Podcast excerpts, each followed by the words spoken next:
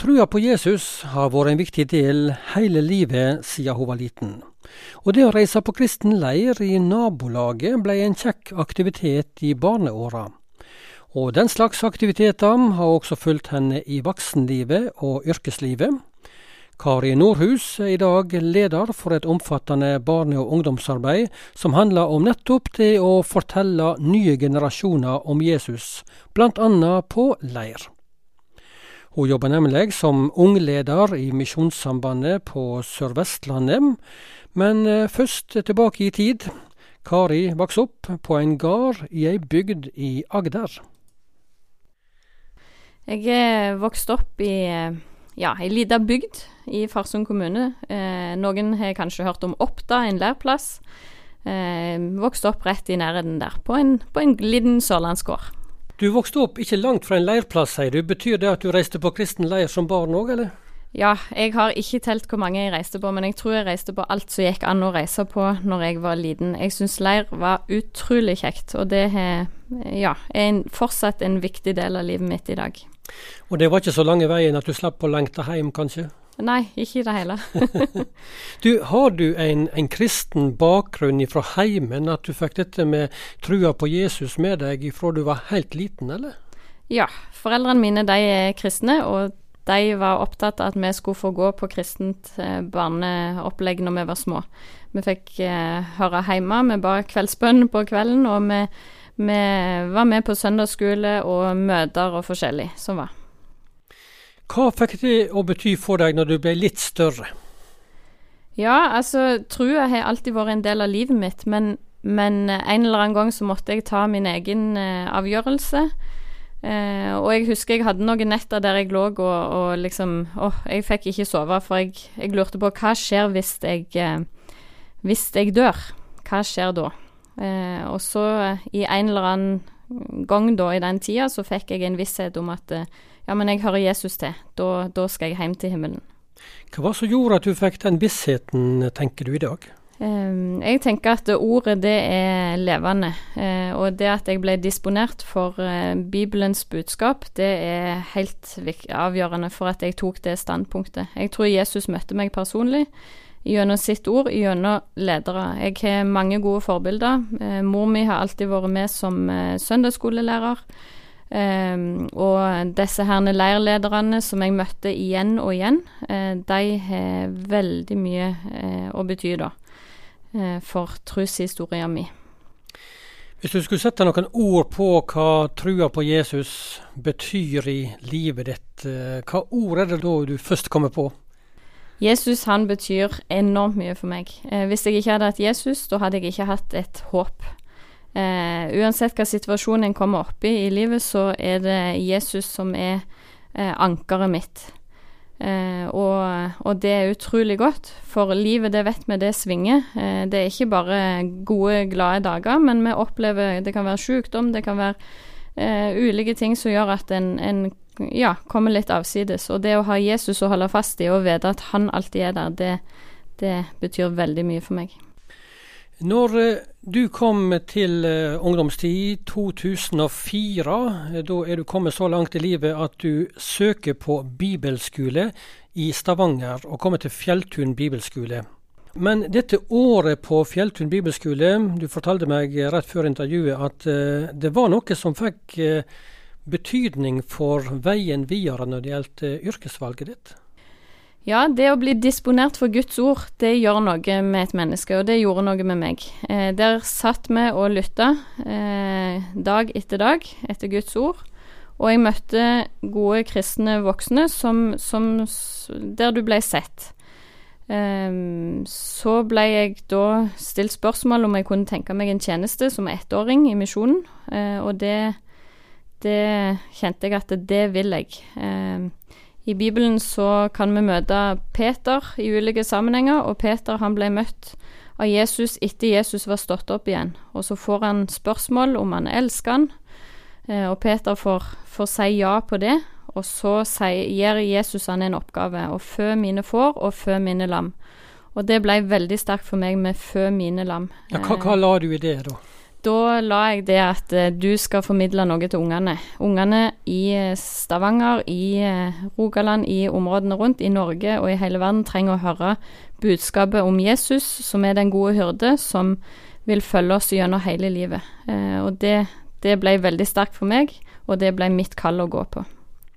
Og så fikk du altså et ettårsengasjement eh, i Misjonssambandet i, i, Rogaland i 2005. Og etter den tid så har du jobba innenfor barne- og ungdomsarbeid i denne misjonsorganisasjonen. Si litt om hva du har holdt på med opp igjennom. Ja, da har jeg vært veldig mye med eh, rundt på barnelag. Eh, hatt andakter for barn. Eh, vært med i leirarbeidet. Og ja, innen administrasjon da i regionen. Og det har vært utrolig rikt. Eh, jeg syns det er enormt kjekt å være med på dette arbeidet. Jeg syns det er eh, noe av det viktigste en kan holde på med. For, eh, for hvis ikke ungene og ungdommene får høre om Jesus, så har de heller ingen å springe til når de kommer i nød. Eh, og det vil jeg være med på i det arbeidet. Ja, Det fortalte Kari Nordhus, og hun er i dag leder for Misjonssambandet sitt barne- og ungdomsarbeid på Sør-Vestlandet. De driver et omfattende arbeid med ulike aktiviteter, ikke minst arrangerer de hvert år mange leirer. Og vi spurte Kari Nordhus hva jobben som ungleder i Misjonssambandet region Sør-Vest innebærer. Ja, Da er jeg en del av lederteamet i eh, regionen, der vi tar opp veldig mange forskjellige saker. Men jeg eh, jeg er opptatt av at barn og ungdom i regionen skal få et møte med Jesus. Og da har vi enormt mange frivillige som er med i barne- og ungdomsarbeidet, og det er vi enormt takknemlige for. Så eh, uten dem så hadde ikke arbeidet gått videre. Eh, og da har vi masse forskjellige grupper der de samles. Og så kan jeg, som en del av stillingen, være med å styrke det arbeidet. Vi har eh, bl.a. et stort konfirmantarbeid. Eh, nå i helga var det over 80 konfirmanter samla på Tonstadli. Eh, og det er utrolig kjekt å få lov å være med på. Ellers, hva type arbeid som blir drevet på barne- og ungdomssektoren i denne regionen i Misjonssambandet? Ja, vi har veldig mange eh, leirer her i regionen. Eh, og det er veldig stor interesse for leir, så det er veldig kjekt. Eh, så er det jo veldig mange ungdomslag og barnelag og ulike grupper for barn og ungdom, da. Ja, eh, ganske omfattende arbeid, forstår jeg. Men vi skal snakke litt mer om leir, som du var inne på her. Det er en viktig del av barne- og ungdomsarbeidet i Misjonssambandet region Sør-Vest, som du er leder. Hvordan vil du beskrive nå interessen for å reise på kristen leir blant barn og unge nå til dags? Det er veldig stor interesse for å reise på leir, og særlig i aldersgruppa 1. til 7. klasse. Og vi ser at eh, når vi åpner opp for leirene, så er det noen av leirene som blir fulle bare etter et par timer eh, etter åpningen, da. Og det er veldig kjekt. Hva er grunnen, tror du, til at eh, barn og unge reiser på leir? Det er jo en veldig kjekk arena, der du er velkommen uansett hvem du er. Eh, du må ikke ha en spesiell interesse Eh, og det tror jeg appellerer veldig. Og så er det enormt mange flotte ledere som er med og er imøtekommende.